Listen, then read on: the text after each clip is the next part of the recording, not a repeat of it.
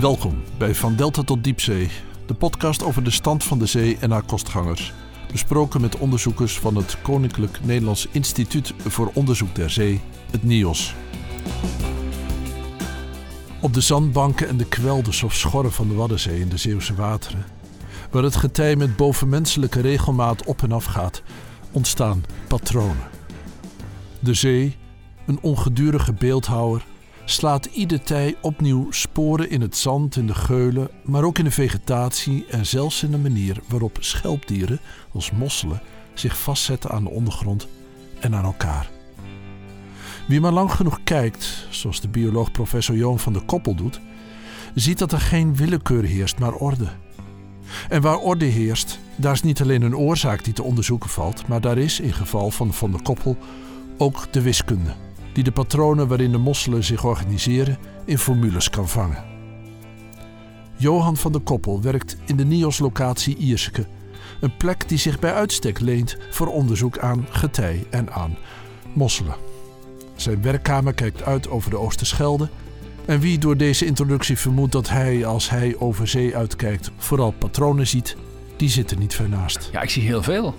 Ik zie de slikplaten en daar allerlei vormen op. Ja. Die slikplaten. En dat vind ik prachtig. Ja, dan al die, waar komen al die vormen vandaan? Je ziet daar patches met, uh, met plakaten met, met oesters.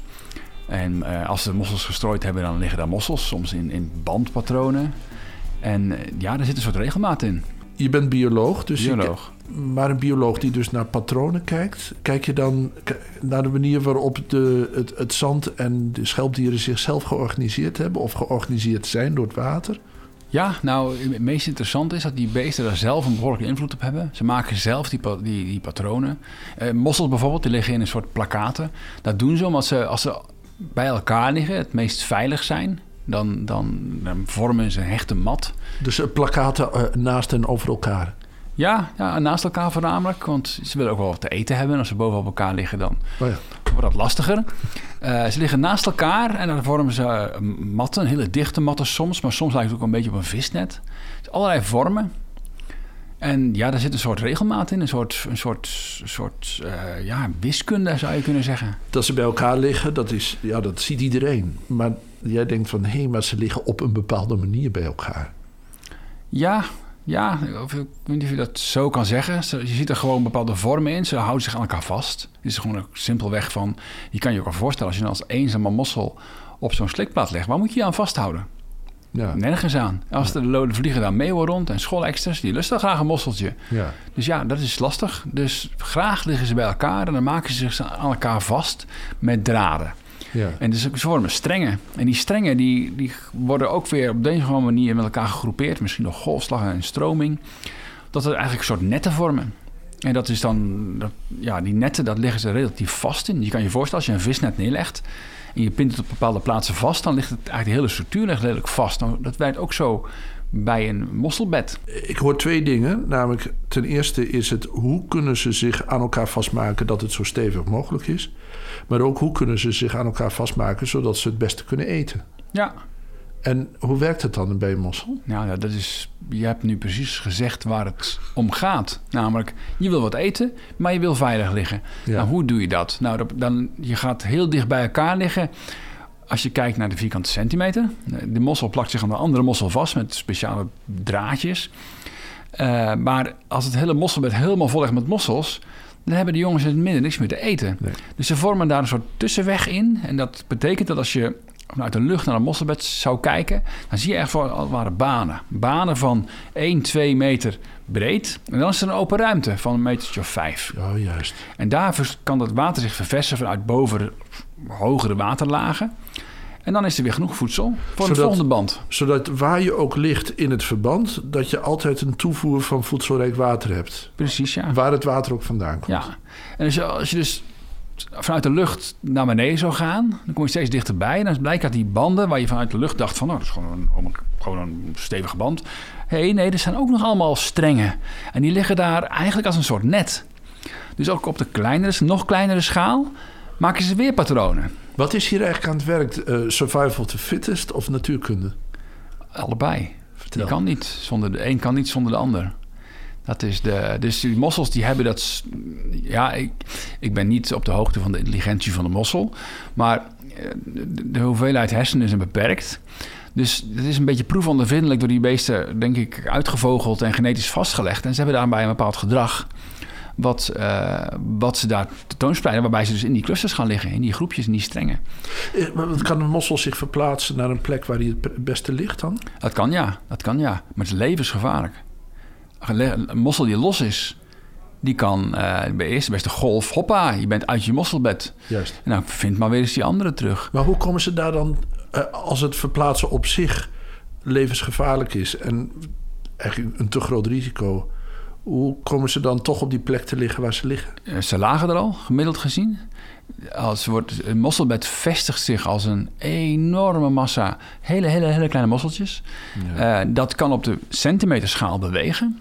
En dan, eh, als ze jong zijn, gaat het heel makkelijk. Als ze ouder worden, steeds moeilijker. Want dan liggen ze vast, zijn ze groot, een beetje log. En uh, dan kunnen ze nog wel een beetje heen en weer kruipen. Maar ze zullen altijd proberen om zich zo snel mogelijk weer vast te maken in iets anders. Want liggen is, is gevaarlijk. Als je als mens probeert zo'n streng te pakken en los te maken... dan moet je best wel even wat moeite voor doen. Dat gaat niet vanzelf. Nou, voor een schoolextra of een meeuw is dat onmogelijk. Juist. Dus die, die bossen liggen gewoon vast en veilig. Ja. Op het moment dat je, als, jij er onder andere mossels legt, ja, dan hebben we niks meer te eten. Dan moet je op een gegeven moment wel. Dus dan maak je jezelf los. Dan kruip je er bovenop en dan maak je jezelf zo snel mogelijk weer vast. En op die manier, uh, je zult een mossel uh, geen meters zien afleggen. Dat is. Uh, maar is het nou zo dat als ze jong zijn, dat ze nog overal liggen? En dat naarmate de tijd verstrijkt en ze groeien, dat er degene die het meest voordelig liggen overblijven en dat de rest afsterft? Ja, zeker. Oh, zeker. Ja. Uh, er liggen miljoenen en miljoenen mossels per vierkante meter Juist. in de hele jonge fase. Maar die zijn dus klein zijn als een speldenknopje. Terwijl uiteindelijk liggen de mossels van de 15 centimeter lang... en er liggen er een uh, aantal tientallen per vierkante meter. Honderd misschien. En dat proces, waar het ook gebeurt... onder wat voor omstandigheden ook gebeurt... het levert, of het nou hier is of in Nieuw-Zeeland... Het levert altijd hetzelfde patroon op? Ja, bij de mossels wel, ja. Dat is eigenlijk wel een soort universeel iets. Dat is, uh... Dus dan zou je bijna zeggen dat is een... Uh, ja, het is een universeel iets. Het is eerder iets wat de mossel overkomt... dan wat hij zelf bewust doet. Maar waarschijnlijk heeft nu natuurlijke selectie... Kijk, als er zoveel mossels ten onder gaan... en er maar honderd overblijven... dan de mossels die zich toch wel het handigst hebben neergelegd die zijn degene die het overleven en die de nakomelingen produceren. Dus er zal een stevige selectie zijn voor, laten we zeggen, handige mossels. Eh, survival of de handigste. En, uh, maar eh, of de, de, survival voor degene die het best door het toeval is bedeeld. Ik denk niet dat er zoveel toeval in zit. er, is, er is wel. Uh, natuurlijk is een, is een. Ja, wat, het overkomt je ook. Maar een, uh, een mossel die zich niet vastlegt. Uh, ja, dat, dat is de kans dat is dat snel mee gebeurd. Iemand die wat loopt, die weet dat wel. Dat rond een mosselbank. dat daar ook een soort niveauverschil ontstaat. Dus ze, het worden een beetje heuveltjes. Dat is mosselpoep. ja, dat, een watlover heeft eigenlijk, is niet zo blij met de mosselbank... want hij gaat er namelijk tot zover in. Ja, klopt ja. Mossels die uh, filteren het water. Die zijn geïnteresseerd in de algen. Maar ja, er zit natuurlijk veel meer in het water. Ja. Namelijk een hoop modder. Ja. En daar heeft de mossel niks aan, daar kan je niet van eten. Dus er is een mechanisme in zo'n mossel om dat van elkaar te scheiden, de algen en, de, en het slip. Het slip, dat poept hij weer uit, zou je kunnen zeggen. En het is op zich slip. Het is niet echt wat wij mensen als poep uh, beschouwen. Maar dat, dat, dat gaat dan rollen omdat het partikeltjes zijn, drolletjes zo gezegd, gaat het rollen over het, over het, uh, over het watplaat. En dat vormt heuveltjes, ja. ja. Meer in samenwerking met algen en diatomeen die erop gaan groeien. Uh, en dat maakt dat vaak in het mosselbed, maar ook achter het mosselbed, dus vanuit de stroom bekeken, ja, heel modderig wordt. En heuvelig, ja, ja. inderdaad. En dat, en dat is eigenlijk. Uh, wij hebben ook onderzoek aan gedaan waarbij mensen vanuit een uh, observatietoren, zo'n zo hokje op palen, ja. dat geobserveerd hebben. En dan blijken die vogels eigenlijk heel veel te fourageren, juist op die, dat gebied. Dus het mosselbed geeft weer een, heeft een uitstralend effect op heel het wat dat eromheen ligt. Daar gaan allerlei wormpjes in die modder groeien. En dat ja. vinden die vogels weer lekker. Het beïnvloedt ook de waterstroming, neem ik aan. Want zo'n harde, reliefrijke eh, bodem haalt energie uit de waterstroom. Ja, Maar eigenlijk denken we dat het mossels het omgekeerde doen. Oh. Nou, stel je voor, er ligt een meter water boven het mosselbed. Het mosselbed begint net. Eh, dan stroomt het daar. Het water moet er door. Dat moet het wat op. Want Die mossels die gaan sleep vastleggen. Daardoor komt het hele mosselbed een beetje omhoog. Dus op een gegeven moment is het niet meer een meter. Het is nog maar een halve meter. Maar hetzelfde water moet er doorheen. Oh, juist. Dus het gaat harder stromen. Juist. En er is dus meer voedsel voor de mossels. De mossels eten eigenlijk in de Waddenzee van de algen die groeien in de Noordzee. Met hoogwater kom je er binnen stromen in grote hoeveelheden. En de mossels die liggen op de goede plaatsen om eh, die stroom af te vangen en daar de algen uit te halen. En dan maken ze van die algen dus eh, nou ja, mosselpoep. En dat valt weer, rolt weer over een, eh, het, de slikplaat heen. Ja. En daarbij voedt het het, het, het slikplaten-ecosysteem. En daar gaan er dus, daar dus vooral van alles nog wat groeien. En daar gaan dan weer pelagische dieren, dus dieren uit de waterkolom als het hoog water is, vissen, gaan dan weer eh, van eten. Als de mossel eenmaal volwassen is, dan ligt hij in een bepaalde structuur. En dan zal, eh, als er de omstandigheden dan veranderen, wordt het wel lastig voor hem om zich aan te passen. En voor een individuele mossel, die kan zich een paar centimeter die kant heen bewegen... of een paar Ja. centimeter de andere kant heen bewegen. Wat er wel gebeurt, is dat er dan weer nieuwe generaties mossels opvallen. Dat gebeurt meestal in het voorjaar. En in één keer is er overal weer jonge mosseltjes. Daar gaan heel veel van, van dood. Maar hier en daar blijven er wel liggen. En die kunnen dan als het ware een mosselbed weer een beetje doen omvormen of repareren, zo gezegd. Van de oude mossels kun je eigenlijk zeggen dat je ziet ze langzaamaan verdwijnen. Langzaamaan worden ze toevallig losgeslagen. Is er een stormpje, dan slaat er wat los. Is er een grote storm, dan slaat het half mosselbed los. Eh, die, dat verdwijnt dan naar het achterland, denk ik. Eh, dus vaak zie je dat niet meer terug. Dat, dat is, die liggen dan ongetwijfeld op veel minder geschikte plaatsen. Maar aan de andere kant zijn er weer jonge mossels die weer op of bij het oude mosselbed eh, zich kunnen vestigen. En zo kan een mosselbed zich wel weer vernieuwen.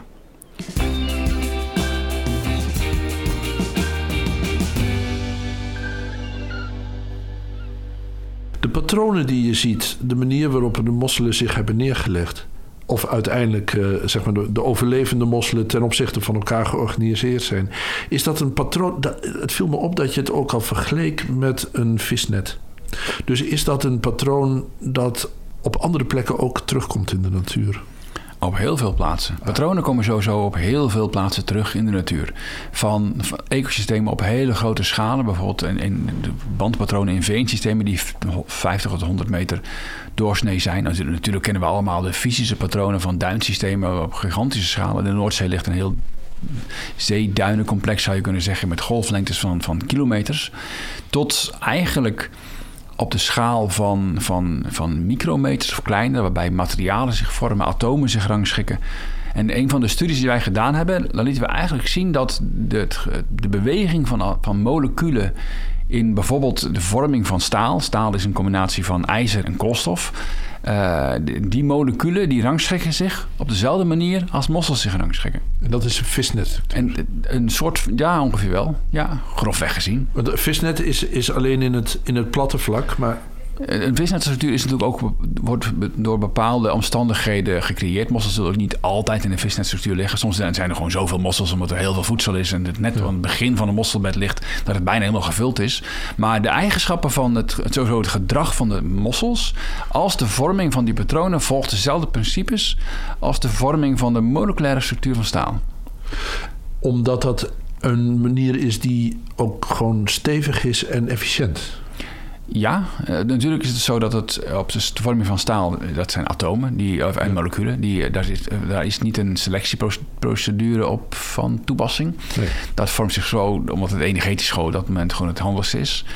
Eh, voor dieren die hebben op dat moment een voordeel als het een structuur is die een bepaalde stevigheid heeft. En dan gaat selectie wel spelen.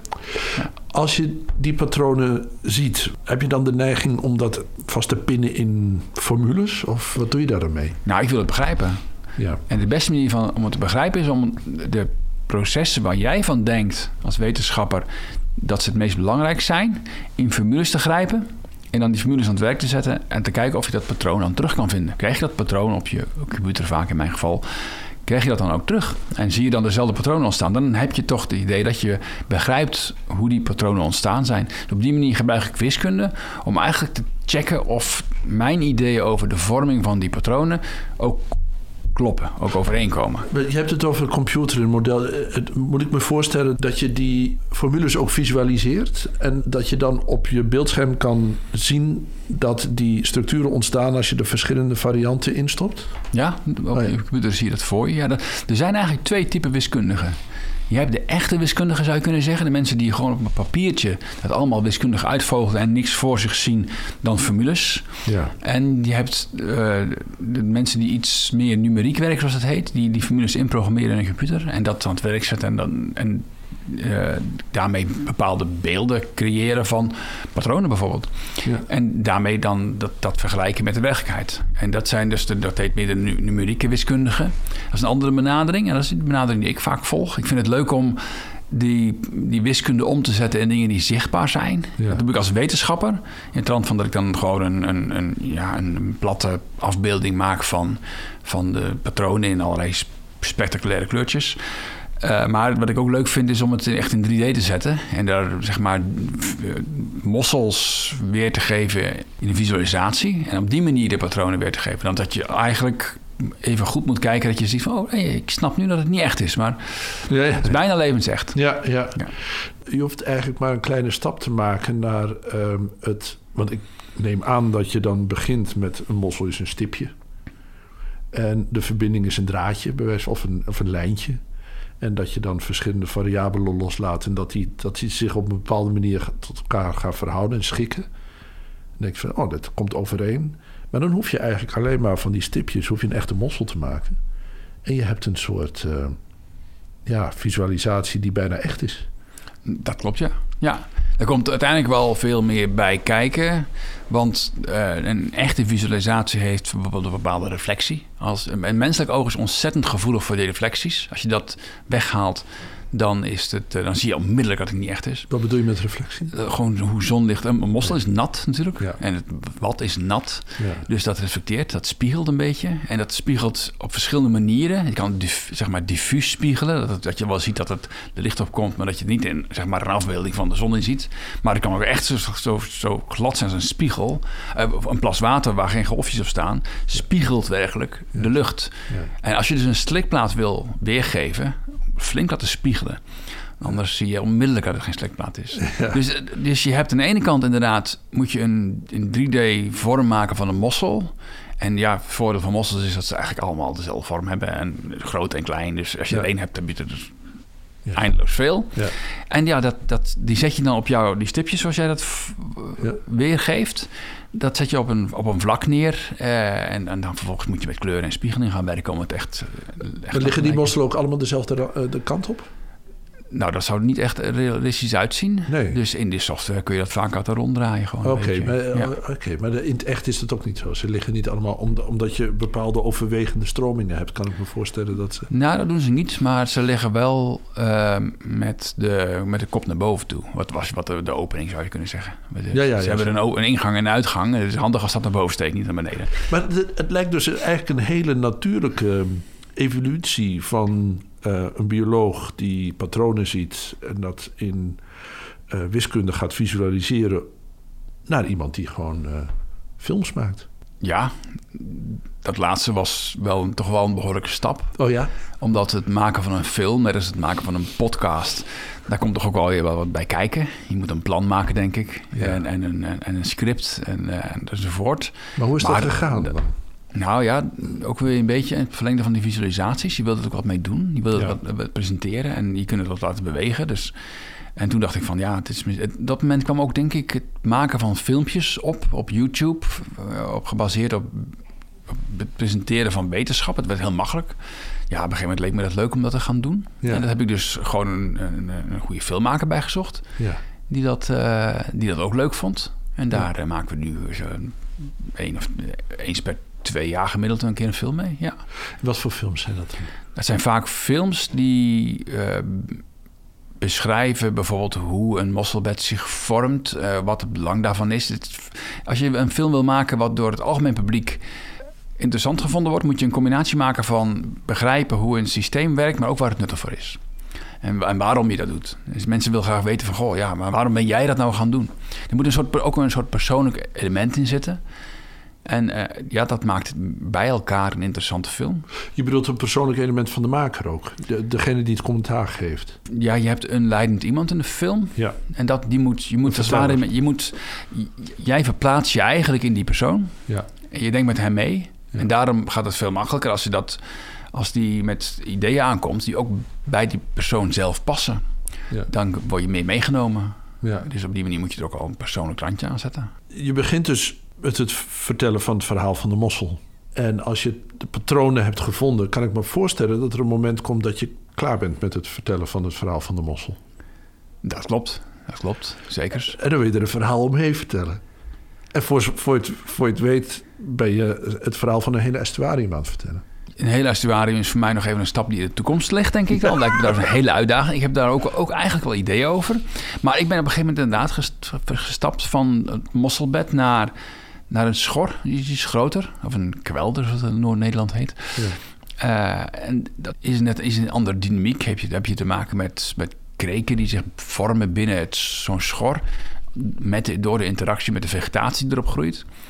En uh, ja, dat is dan op een gegeven moment een soort evolutie geweest naar een volgende. Uh, maar dat, is natuurlijk, dat zijn natuurlijk ook weer patronen. Uiteraard, ja. ja.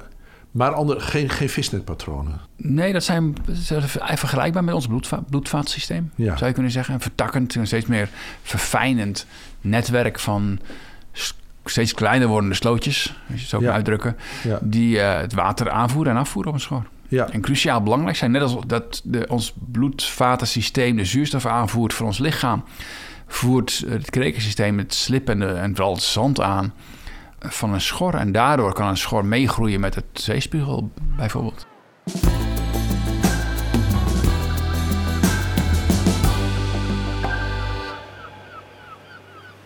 Ik deed onderzoek aan al die patronen. En je kijkt ook al verder dan alleen maar mosselbedden. Er zijn eigenlijk op heel veel plaatsen patronen te vinden als je een beetje goed zoekt. Uh, bijvoorbeeld natuurlijk een, een slikplaat is een systeem met, met, uh, met, met patronen door diatomeeën. Een schor of kwelder is een systeem met kreeksystemen. En dat zijn in Nederland eigenlijk de meer jongere systemen... die eigenlijk vaak vrij recent gevormd zijn omdat ze buiten de dijk liggen. Maar uh, als je bijvoorbeeld gaat kijken in Siberië dan zie je dat veensystemen ook heel uitgebreide patronen hebben. Dat zijn banden met waar, waar bomen op staan in, in, in, een groot gebied... wat tussen de boombanden in veen heeft. En Nederland was ooit voor de helft ongeveer veen. Dus mijn, mijn idee was al gelijk van... oké, okay, was dat vroeger hier dan ook zo? En, en, als je dan wat goed gaat nadenken, denk je: oké, okay, de veensystemen had je. Je had ook de riviersystemen. Met, nu herkennen wij rivieren als iets wat ingesnoerd is tussen kribben. Maar dat was vroeger helemaal niet zo. Dat waren uitgebreide vlaktes met waar riviertjes, kleine riviertje hier en dan weer een riviertje daar. En, en dus dat was veel meer een door wisselwerking van natuur en van bomen die zich daar vestigden en planten. Door die wisselwerking werd een heel landschap gevormd. Dus vroeger was was er eigenlijk veel meer aan dat soort natuurlijke patronen te vinden dan nu.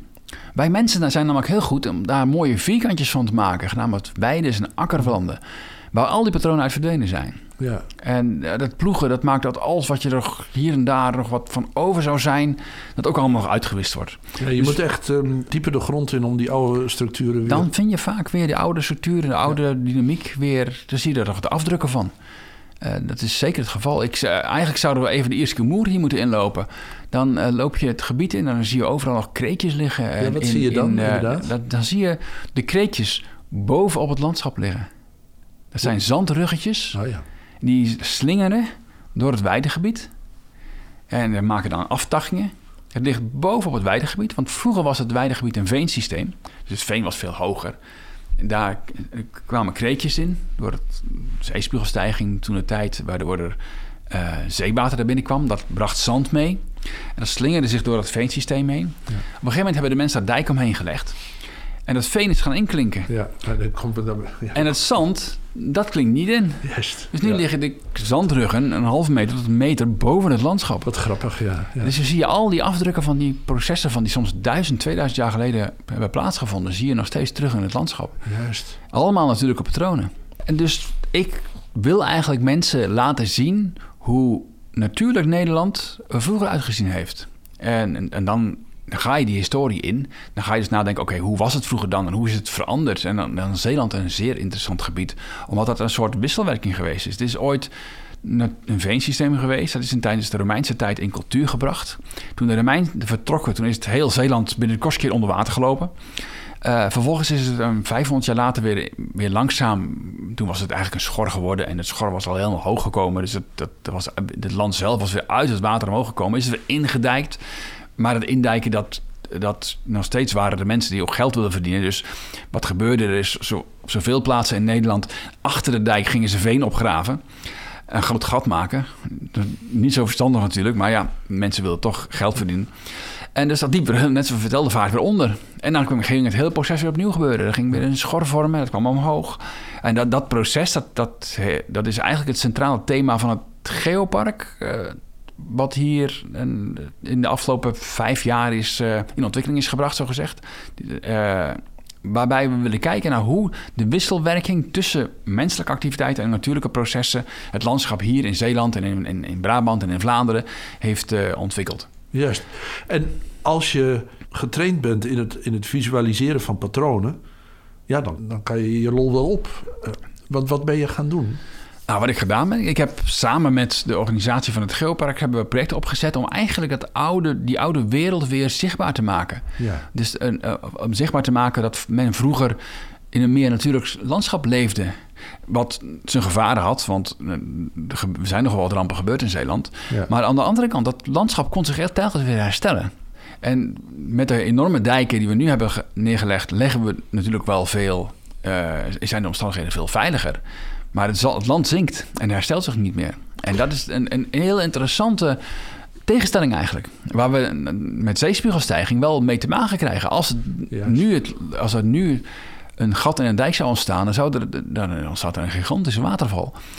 En dus dat is, op die manier is het interessant om ook terug te kijken naar het verleden. Naar hoe het landschap zich toen heeft aangepast aan veranderde omstandigheden. In feite ben je dus een geschiedenisverhaal aan het vertellen, maar dan een geschiedenisverhaal dat zich concentreert, dat het verhaal vertelt van het landschap. Ja, En van de, de manier waarop het werkt en waarop het zichzelf herstelt. En die patronen zijn eigenlijk van cruciaal belang voor, voor hoe die, die natuurlijke ecosystemen zich weer kunnen herstellen. Dat zijn vaak de ankerpunten voor het eerste vestiging van, van vegetatie of van organismen, waarbij het landschap weer gaat vormen, het, het landschap weer omhoog komt. En, eh, dus het begrip van die patronen is cruciaal belangrijk daarvoor. Dus stel nou dat de Walcheren bijvoorbeeld, hè, dat er geen mensen zouden wonen en je zou de natuur zijn gang laten gaan en je zou inderdaad, wat je zo net zegt, het water zou binnenkomen. Wat zou er dan gebeuren? Wat, eh, en over welke tijdschaal heb je het dan? Nou, dan, dan eh, gaat dat onder water lopen natuurlijk. Vervolgens gaat daar heel veel slip mee meekomen. Eh, dat gaat dat in het land zich verspreiden. Eh, vroeg of laat zal zich op dat slip weer vegetatie gaan vestigen. Eerst dan misschien mossels en oesters, maar uiteindelijk vegetatie.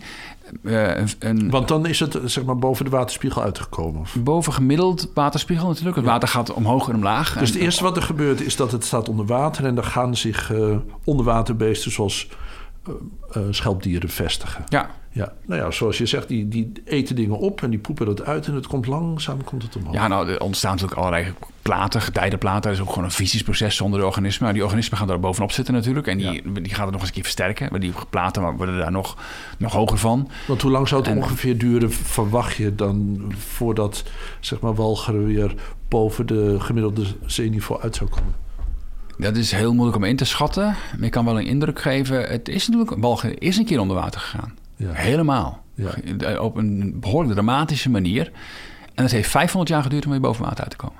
500 jaar. 500 jaar. We gaan dus van 300 naar ongeveer 800 AD.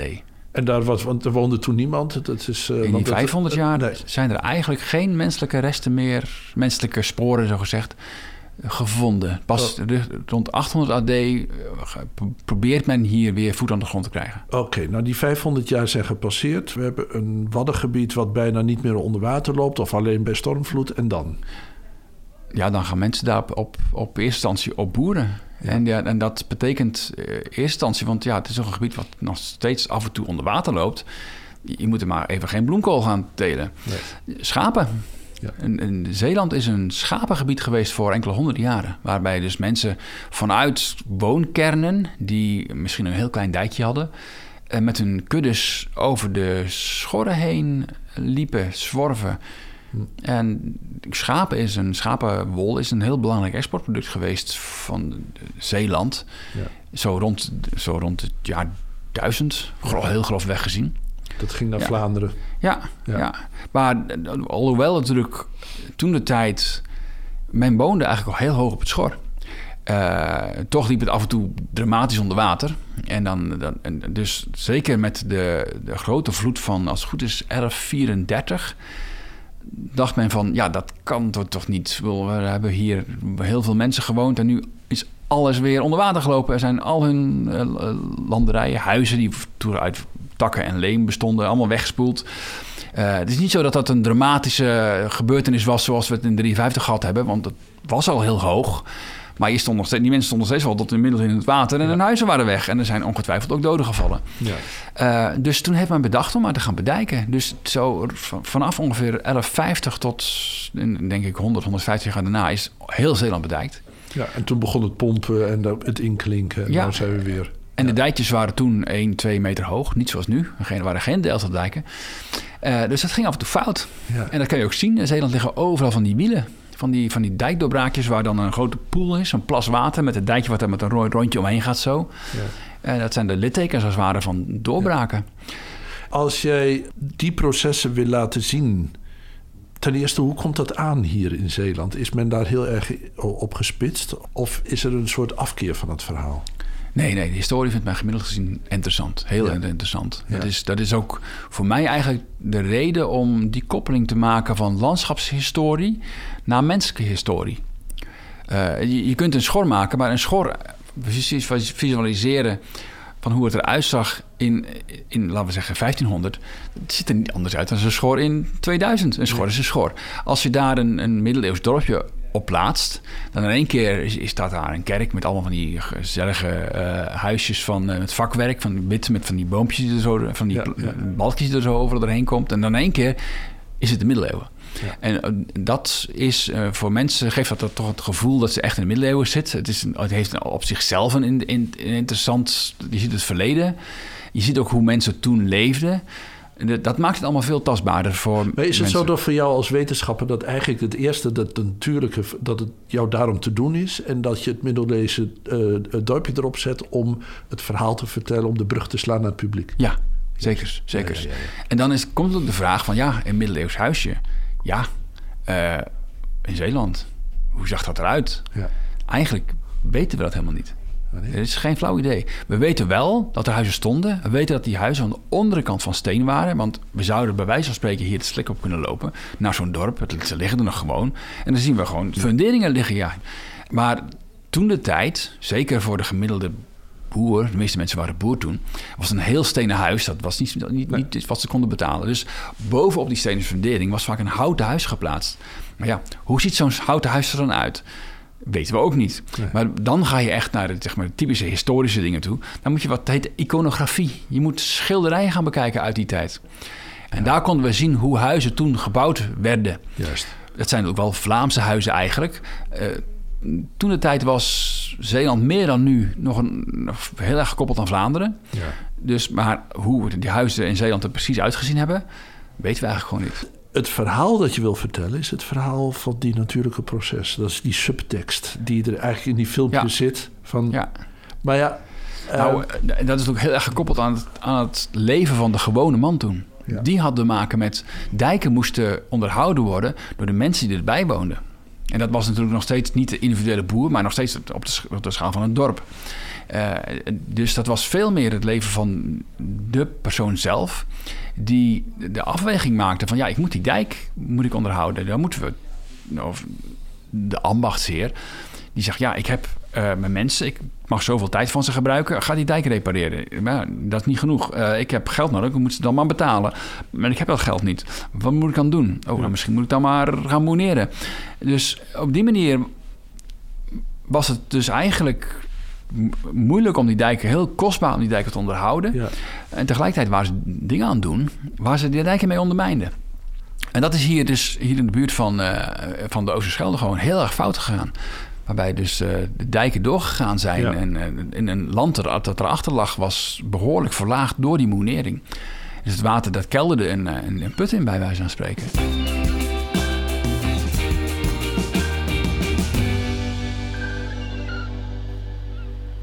Wat betekent jouw verhaal voor nu? Ik kan me nauwelijks voorstellen dat jouw verhaal is in Zeeland maak je geen zorgen als de dijk weggaat, want in 500 jaar bouwt de, bouwt de zee het land wel weer op. zeker niet, zeker niet.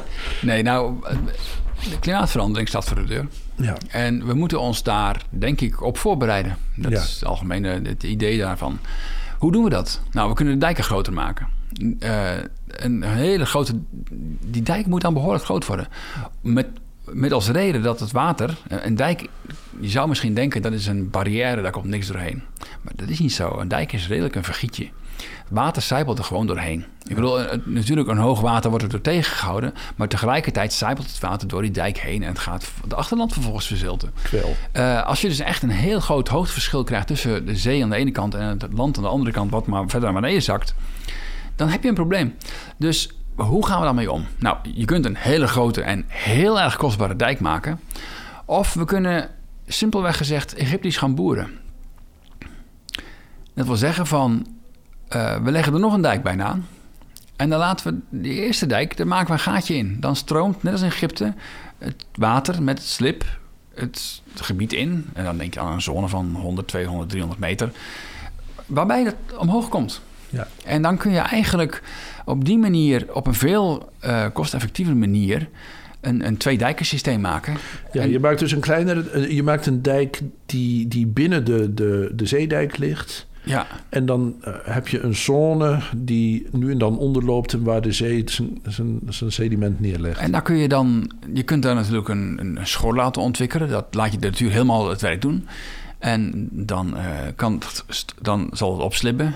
Uh, en na verloop van tijd, men denkt na 50 jaar ongeveer, kun je dat dan gewoon weer in, in, in, gebruik nemen als, als landbouwgebied. In feite is de boodschap dat je mensen hier, omdat ze geïnteresseerd zijn in geschiedenis, op die manier een verhaal vertelt van het principe dat de zee zelf een stuk land kan ophogen.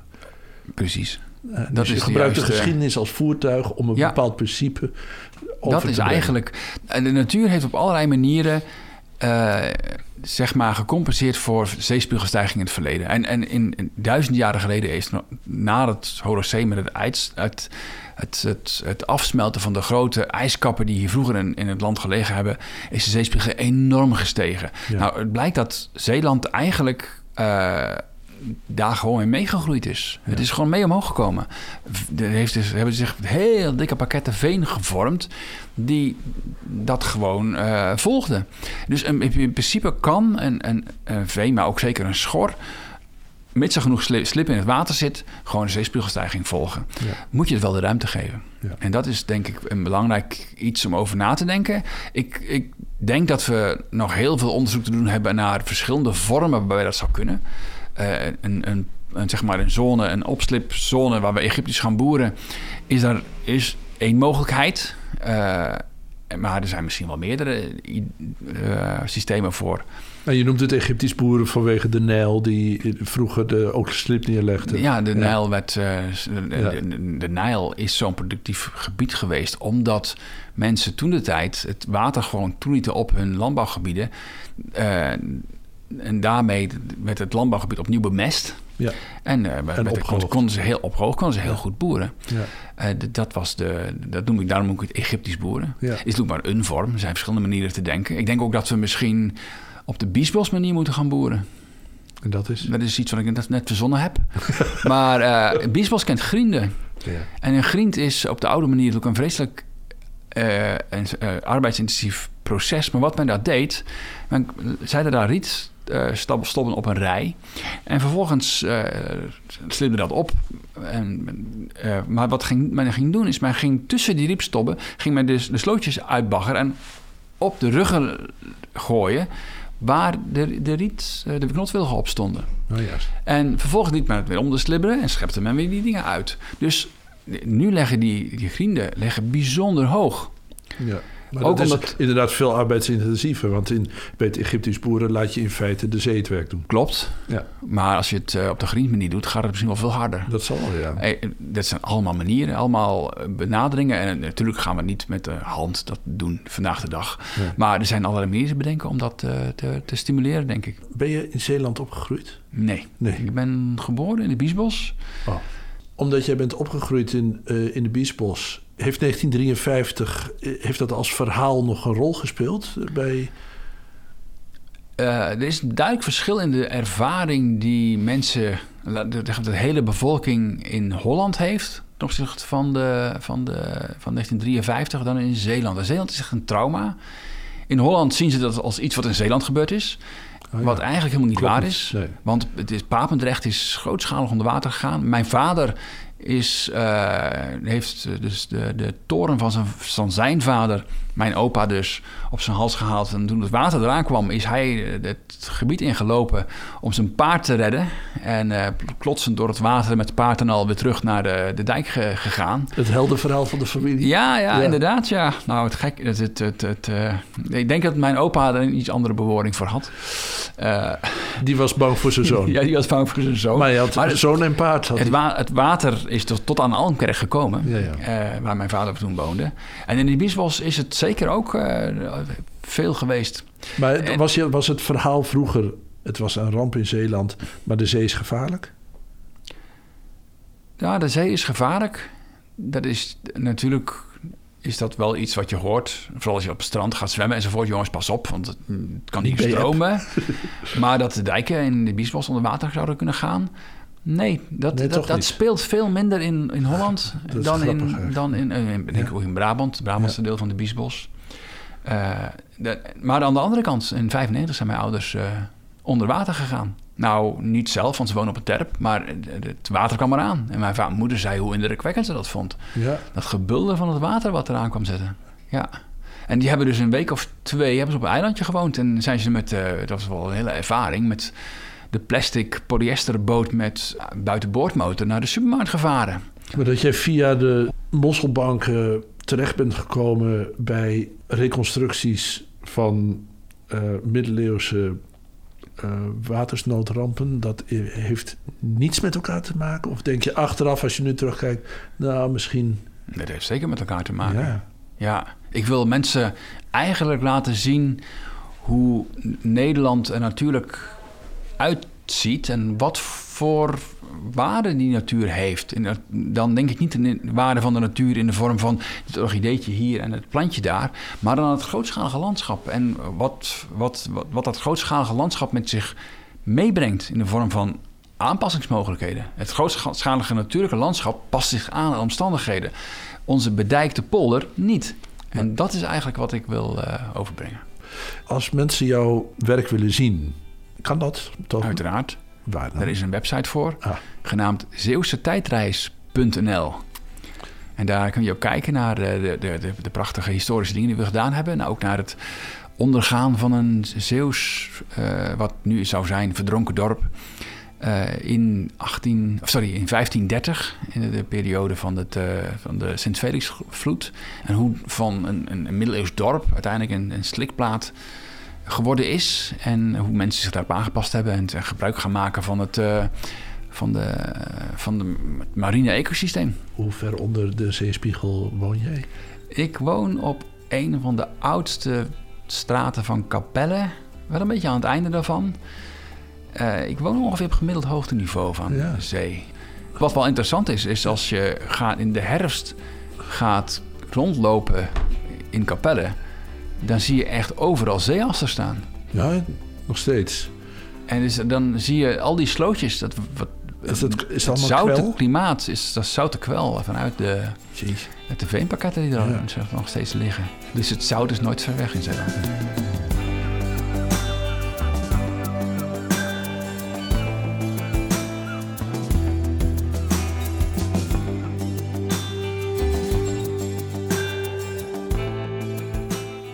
Dit was van Delta tot Diepzee. Gesprekken over de stand van de zee met medewerkers van het Koninklijk Nederlands Instituut voor Onderzoek der Zee, het NIOS.